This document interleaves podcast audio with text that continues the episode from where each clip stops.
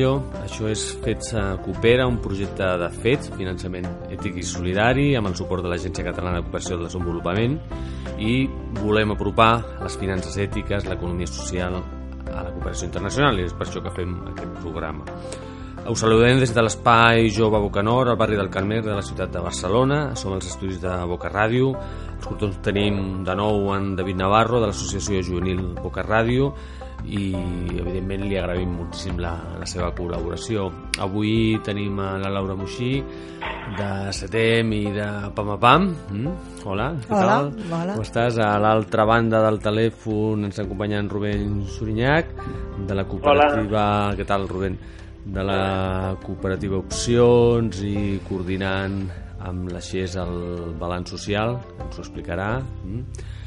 I bueno, doncs avui ens trobem al mig ha començat no? la, la veda hem aixecat la veda de l'època aquesta consumista que un cop a l'any ens visita i s'apodera una miqueta del món que ens volta no? avui volem parlar de què podem fer en aquest escenari de, de consumisme, quin paper tenim les entitats, quines eines tenen les entitats una mica per superar i per esdevenir eines també de transformació en aquest uh, ambient hiperconsumista. No? Què, què tenim al mercat, nois? Qui, qui vol començar, Laura?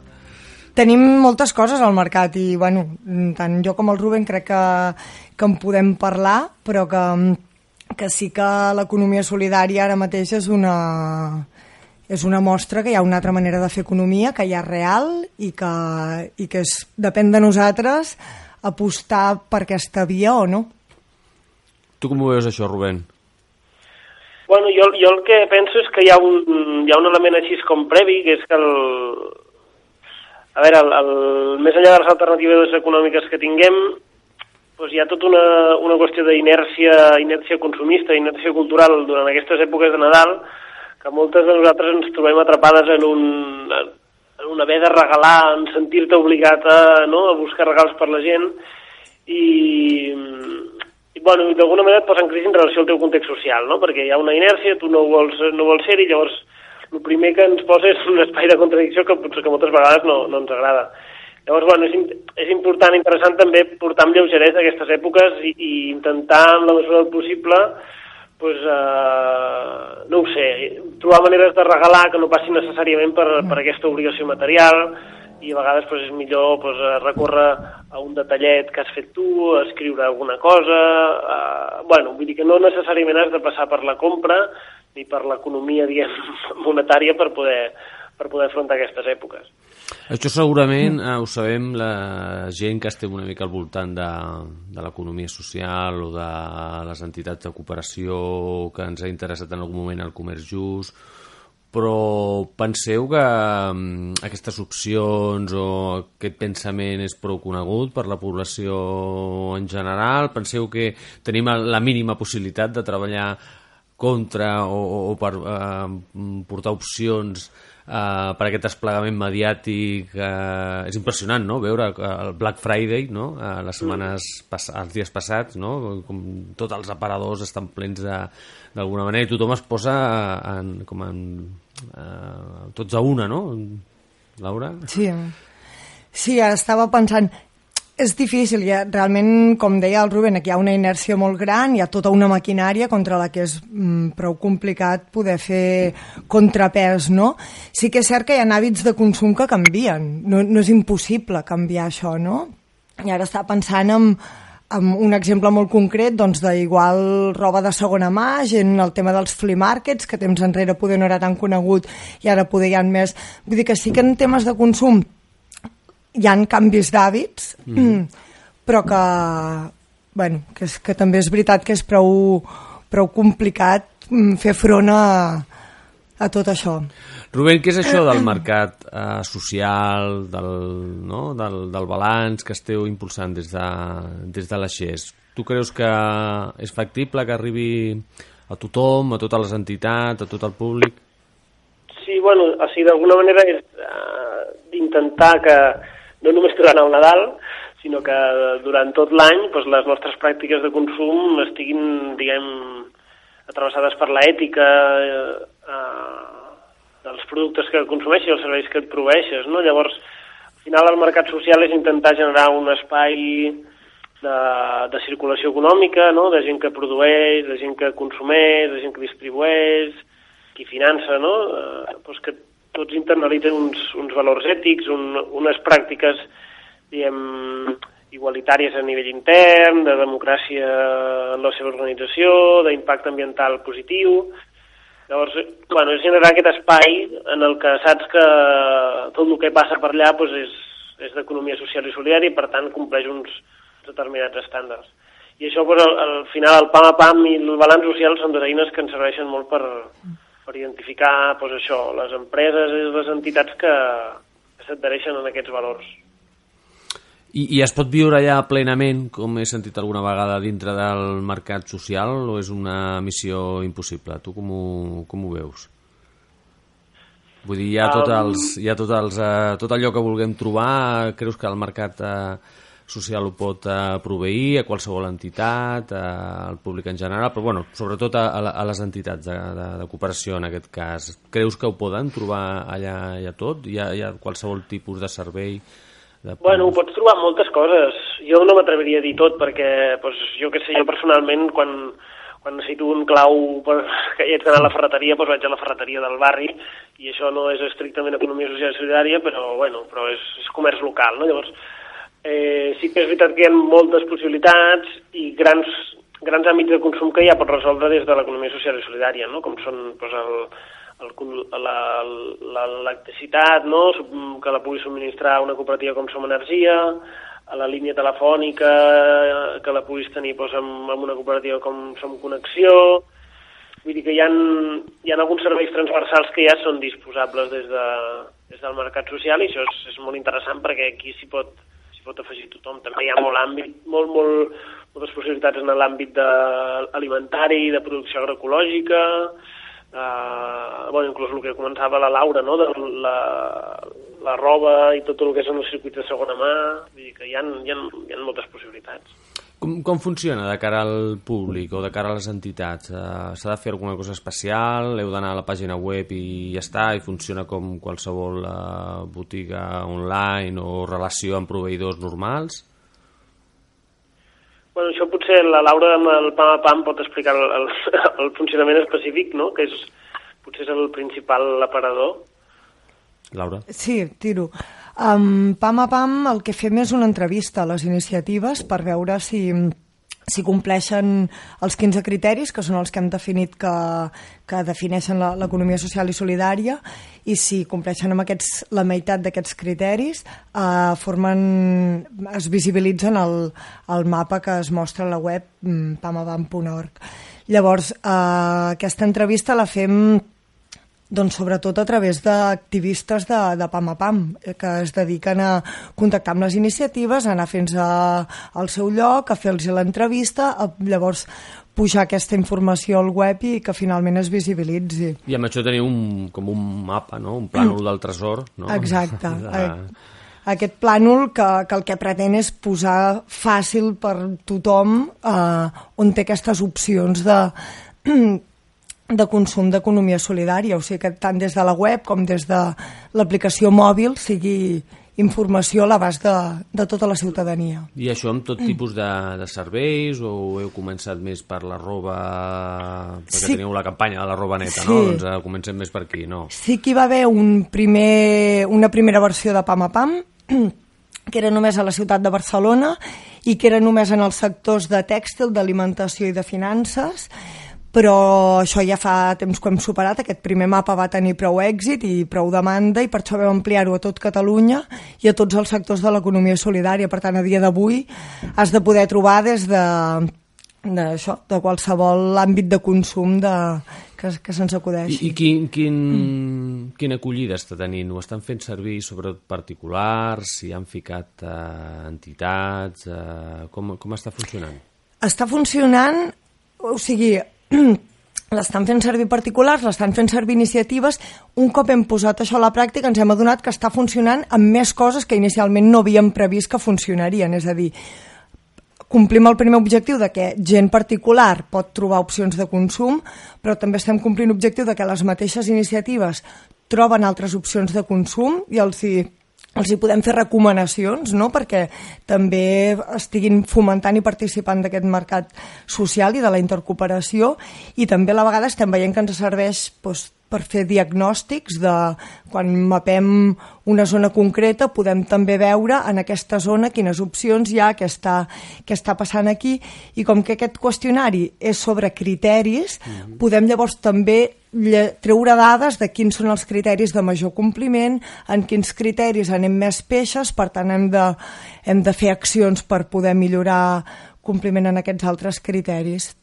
Bueno, prou bé, no? Sí, Quanta gent bé. ho, calculeu? Quan, quin és l'impacte que, que està tenint ara mateix? Clar, és difícil de saber. De moment estem al voltant de les 500 iniciatives, que pel volum que té l'economia solidària és una petita xifra, però que per tota la feina que ens suposa pujar un punt, doncs és el, és el ritme que, que el, el que podem anar i el que anem i, i, i sí que sabem que hi ha prou gent la que, que ens està visitant la web, que ara no et puc dir dades concretes, però sí que sabem que, que hi ha prou gent que ens està visitant. I, i com deies, això està passant de l'escala de Barcelona ciutat a, a d'altres territoris, a Exacte. Catalunya. I fora de Catalunya també?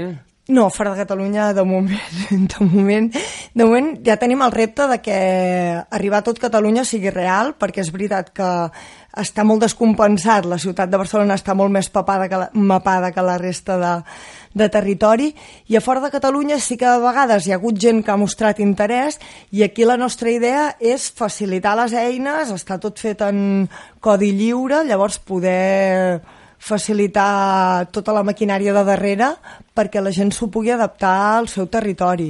De uh, moment no, no està passant, eh? Què li diries a les entitats que encara no coneixen aquest servei, que hi poden trobar o per què ho haurien d'adoptar o fer-lo servir?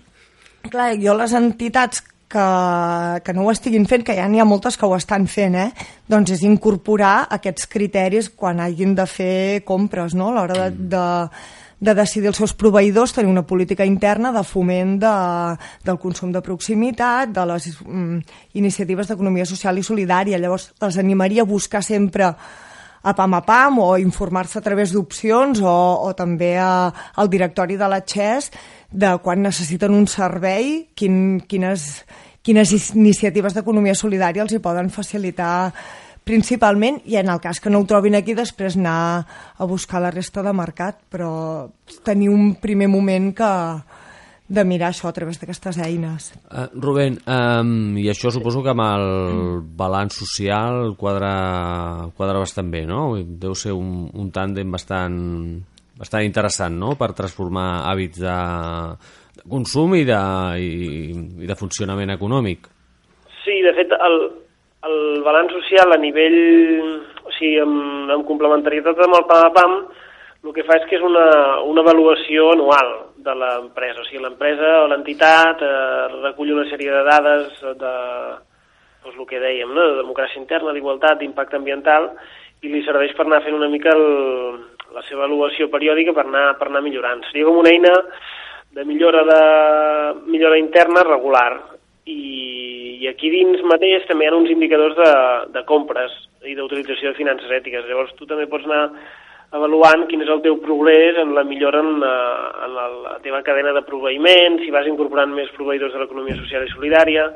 Llavors, bueno, és d'alguna manera el, el PAM a PAM et situa en el mapa moltes alternatives, però quan vols fer un, utilitzar una eina més per, per anar millorant regularment, anar mirant cap endins regularment, doncs el balanç social és l'eina que et dona més aquesta, aquesta possibilitat. No? Val, molt també, bé. Ara... En, el, en els consumidors els hi dona també una mica un, un reforç o una certesa de, Clar.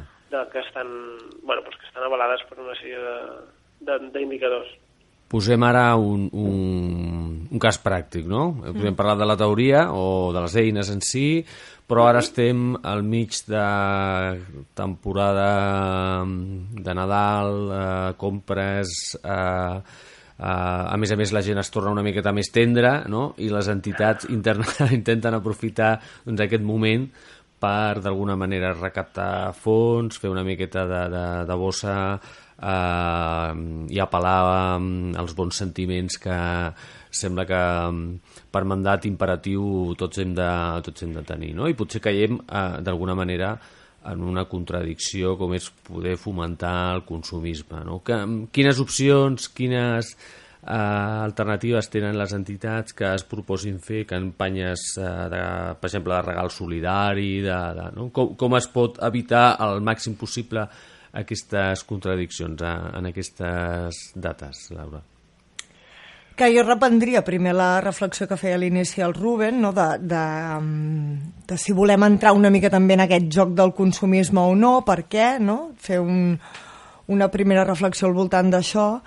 En el cas que tenim ganes de, que decidim que sí, que tenim ganes d'això, de, de fer alguna campanya en aquest sentit, um, clar, hi ha opcions, és que no sé què ens estem imaginant, però des de tèxtil de quan moltes entitats fem samarretes d'alguna campanya, des de si fem com més lots en productes d'alimentació o si portem a impremta algun llibret, o sigui, en tots aquests àmbits hi han opcions de, d'economia de, solidària, que llavors ja dependrà de nosaltres si triem eh, producció local o si preferim que sigui ecològic o si les dues coses, o sigui, ja cadascú acabarà escollint quina és, quina és l'opció concreta que més mm, acord està amb la seva manera de fer, però que, que, en, que en aquests casos concrets sí que tenim maneres de, de fer-ho de manera, això, seguint l'economia social i solidària. Rubén? Bueno, sí, jo crec que hi ha aquesta part de, de la contradicció que és que crec que s'ha de, s'ha de viure amb tota la serenor possible, no? I potser, la, bueno, doncs, tot sota aquesta consigna d'intentar desmaterialitzar al màxim el Nadal i, i intentar, doncs, eh, despullar-lo d'això, de, de tot l'envoltori material i portar-lo més a lo, l'emocional, o afectiu, que és al final el que més ens uneix en, en aquestes èpoques, doncs, eh, bueno, partint, partint d'aquí llavors pots mirar a veure què, què, mm. què pots fer. Nosaltres mateixos, clar, des d'opcions de, hem fet promocions de Nadal incentivant a que regalis la revista, per exemple, no? Llavors és com un... Bueno, és com una, un, un regal anticonsumista en una època consumista, no? És com una mica esquizofrènic tot plegat eh, o, o la mateixa Fira de Nadal que fa organitza l'Ajuntament de Barcelona allà a plaça Catalunya, no? Pues és una mica també intentar portar, dins de la contradicció que et genera, pues intentar portar les alternatives de consum en una època en la que es consumirà de totes maneres, no? Mm, I aquí regala associar-se, no?, a, a l'entitat, en lloc de... Mm, però bueno, en, en tot cas el que queda clar és que el, el mercat social a través de Pam Pam Pam o directament doncs, ofereix prou alternatives per muntar paneres solidàries uh -huh. o, o qualsevol tipus de, de regal que ens serveixi una miqueta doncs, a, en aquesta captació de, de recursos, no? I, -huh. bueno, i, com, i com diu Rubén, eh, o com dieu els dos, eh, hem de, hem de gestionar bé, no?, tranquil·lament, doncs, a, a aquesta, a aquesta contradicció. Tenim també amb en Jordi Rojas de la revista i la cooperativa Opcions, que també el tenim al telèfon, que ens explicarà també una miqueta doncs, aquest servei d'assessorament que des d'Opcions s'està brindant a, a les entitats doncs, perquè d'alguna manera accedeixin, han fet una guia, en fi, tenen una sèrie de recursos per veure com les entitats poden accedir a tot aquest mercat eh, i a aquest consum una miqueta menys de, depredador. Mm? Què tal, Jordi, com estàs? Molt bé, fantàsticament. Escolta'm, jo eh, el que he vist és que teniu, bueno, he estat investigant i he vist que teniu com un servei o fer una mica d'assessorament o no sé com dir-li, un producte o, o una eina d'acompanyament a les entitats que volen fer aquesta transició cap a l'economia social i solidària, no? Ens podries fer cinc cèntims? Sí. De fet, eh, tenim, li podríem dir servei i és essencialment per persones, no tant per entitats, perquè nosaltres tenim una proposta molt més orientada a persones, tot i que l'acompanyament o l'assessorament eh, el podem fer extensiu a entitats, i és un servei que el que pretén és fer fàcil a, la, a, a les persones o a qui vulgui eh, instal·lar-se a les alternatives de consum de l'economia social i solidària. Bàsicament, els, els grans serveis, energia, telefonia, eh, assegurances o eh, banca ètica, eh, facilitem eh, a les persones doncs, el trànsit sense, eh, sense dificultats eh, a través de o d'un correu electrònic o d'una mateixa fotografia enviada per WhatsApp de les factures, doncs nosaltres ens en encarreguem de fer les gestions, els tràmits perquè les persones puguin eh, passar-se a l'economia social i solidària de la forma més ràpida i més, eh, i més econòmica. Només demanem un requisit, que és que formin part de la comunitat més opcions, de la comunitat de consumidors conscients i consumidores conscients, que, que és fer-se sòcia de la cooperativa eh, que té el preu tan barat com 9 euros de capitalització i una quota anual de 6 euros. Perquè tu I creus... amb això tens accés... Mm. Digues, digues. Digues, digues. No, no, a, preguntar que si, si tu penses que era una miqueta la, la, bueno, la burocràcia o, o, o la manca d'informació el que fa enrere una miqueta gent que podria estar més o menys d'acord Nosaltres, sí. Nosaltres hem identificat clarament que hi ha una barrera que no és ideològica, que no és de valors, que no és de convicció, que és purament operativa. No trobo mai el moment, és una mica farragós, posar-me a la web de no sé què perquè em comencin a demanar totes les dades. Sé que ho he de fer però encara no, he, no m'hi he posat i mm, és curiós, però persones de l'entorn de l'economia social i solidària, persones activistes, persones que estan fins i tot eh, professionalment compromeses en projectes eh, cooperatius i de l'economia solidària, no han fet aquest pas en alguns dels seus consums. I com que hem identificat que hi ha una barrera que és purament funcional operativa, doncs intentem trencar-la amb un servei que et permet, amb una fotografia de les factures, oblidar-te'n eh, i fer-ho, perquè la veritat és que és molt fàcil de fer. I, I, per això, tant, que, i, i això que li passa a les, a les persones li passa a les entitats, imagino, no? Sí, sí, li passa a tothom, persones i entitats. Clarament hi ha una barrera psicològica que fa que sempre deixem eh, per l'endemà les coses que no són tan urgents, les coses que sabem que hem de fer però no ve d'un dia, i curiosament eh, aquest procés eh, de demora es pot allargar mesos. Eh, I, bueno, clarament ho hem identificat i, i, i hem vist que en el moment en què hem activat un servei d'aquestes característiques eh, l'han començat a fer servir persones que et diuen, ostres, mira que feia temps que ho volia fer i mira, ara que em ofereixes aquesta oportunitat, va, pim-pam, eh, t'envio un WhatsApp. Mm, doncs ha anat així. Què creus, que, què creus que queda fora ara mateix del mercat social o de, fi, o de la provisió de serveis, productes? Eh, creus que ho contempla bueno, tot? Que, que, quins són els reptes una mica? No, on cal arribar encara? Des, desafortunadament no ho contempla tot, perquè tot i que eh, hi ha un sector eh, creixent de banca ètica, la banca ètica eh, encara no ofereix tota l'operativa necessària eh, a la que estem la ciutadania més acostumats i, per tant, encara hi ha alguns eh, dèficits en aquest sentit que es aniran resolent conforme vagin consolidant-se eh, els projectes, però, per exemple, en el sector energètic, Som Energia, que és una de les cooperatives per nosaltres model Mm, amb un creixement exponencial en els últims temps eh, espectacular, però en canvi amb gas no tenim una, un model similar i el gas, malgrat ser una energia eh, fòssil, doncs no hi ha un projecte d'economia solidària que, que comercialitzi gas. Eh, companyies, eh, corredories d'assegurança, arts cooperativa en aquests moments a Catalunya, és la corredoria d'assegurances eh, per excel·lència, eh, però en canvi companyies, eh, Ars és una corredoria, però companyies que tinguin productes amb el segell d'assegurança ètica n'hi ha poques i no cobreixen tot el mercat eh, assegurador i per tant també hi ha un, un espai important a cobrir.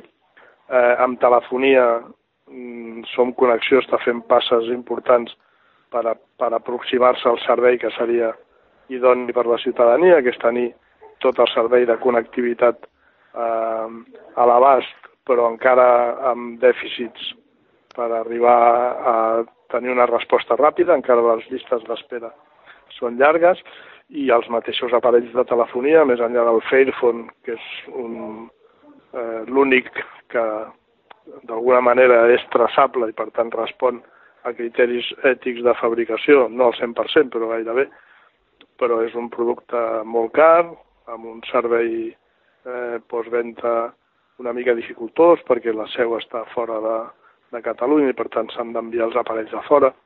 Vull dir que en, en serveis tan universals com aquests, com els energètics o els de eh, connectivitat i telefonia o, o finances, doncs encara tenim alguns espais eh, o algun recorregut llarg a fer. La resta, el consum eh, quotidià, afortunadament cada vegada hi ha més entitats que estan eh, doncs, organitzant eh, projectes socioeconòmics, projectes socioempresarials, la majoria en forma de cooperatives, per oferir eh, serveis de productes de, de consum en gairebé tots els, tots els àmbits. Eh, si no recordo malament va ser Abacus que editava un, un vídeo en el que es relatava doncs, la, un dia en la vida d'una persona per demostrar que des que et lleves fins que te'n vas a dormir pots viure consumint productes en l'entorn cooperatiu, eh, que no és exactament el de l'economia solidària, però que és el que més eh, se li acosta. Generalitzar això vol dir, clar, vol dir créixer eh, amb projectes que vagin ocupant els espais que en aquest moment ocupa l'economia hegemònica per anar-los ocupant amb models socioempresarials I en, diferents. aquest, I en aquest esforç una mica transformador segurament les entitats eh, tindrien molt a dir o si més no us podrien ajudar no? a qui ho esteu impulsant. Sens dubte, les entitats tenen un paper eh, important perquè les entitats eh, són també eh, consumidores de serveis i de, eh, i de productes i entenem, i aquesta és una, una presumpció que, que nosaltres fem, que pensem que està fonamentada, que la majoria d'entitats de l'entorn del tercer sector o, entorns eh, associatius tenen una sensibilitat eh, cap a pro propostes de l'economia social i solidària millor que determinat segment eh, empresarial o, o entitats d'altres eh, entorns. Pensem que hi ha una aproximació eh, més empàtica i més eh, de simpatia des del món associatiu, des del món de les entitats culturals, de les entitats de lleure, cap a l'economia social i solidària, que des d'altres àmbits.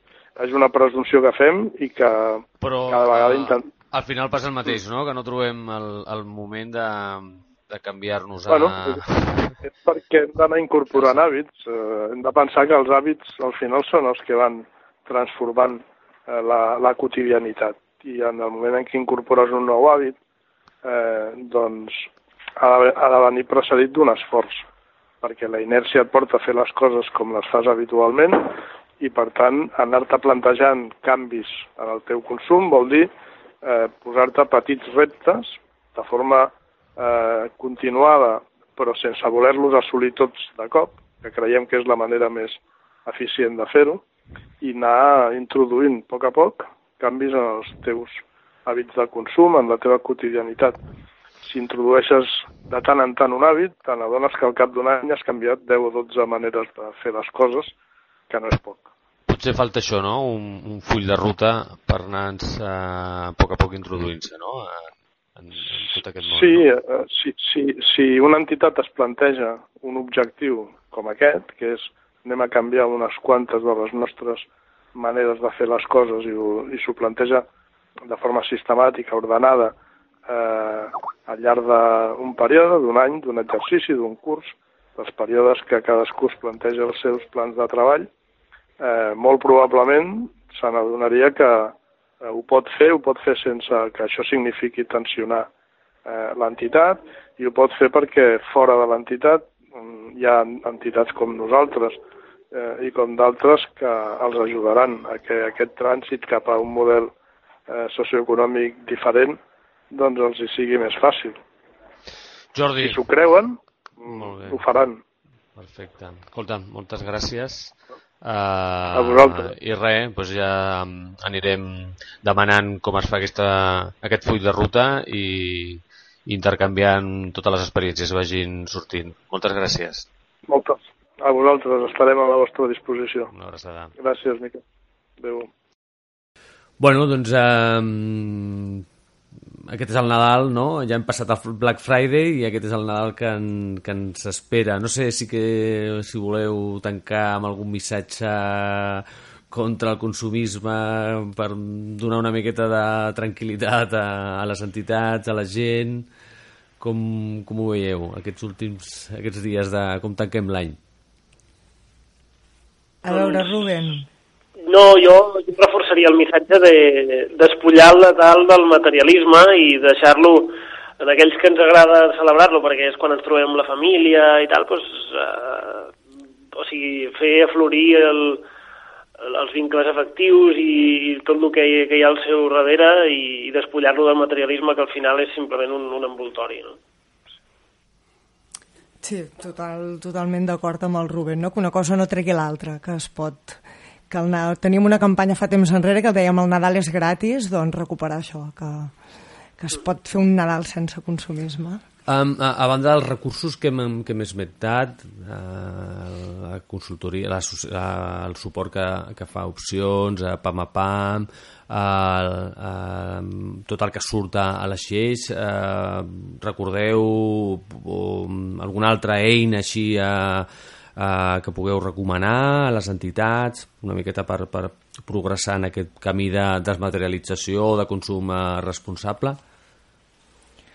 Jo, Rubén, ara citaria la, la, el llibret que heu fet des d'opcions Som part del canvi, guia pràctica de consum conscient i economia solidària per a associacions, que trobo que ve molt a tom, que aquí hi han recursos molt concrets en, en diferents sectors. Llavors, mm, convideu-vos a moltíssim a, a fer-ne ús i llavors, més enllà d'això, mm, pam a pam, directori de la XES i la revista Opcions. Molt bé.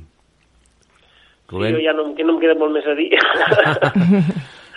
Els recursos estan allà, el tema és això, trobar, trobar el temps i, i les ganes no, per, poder, per poder començar una mica aquest, aquest, aquest procés de canvi.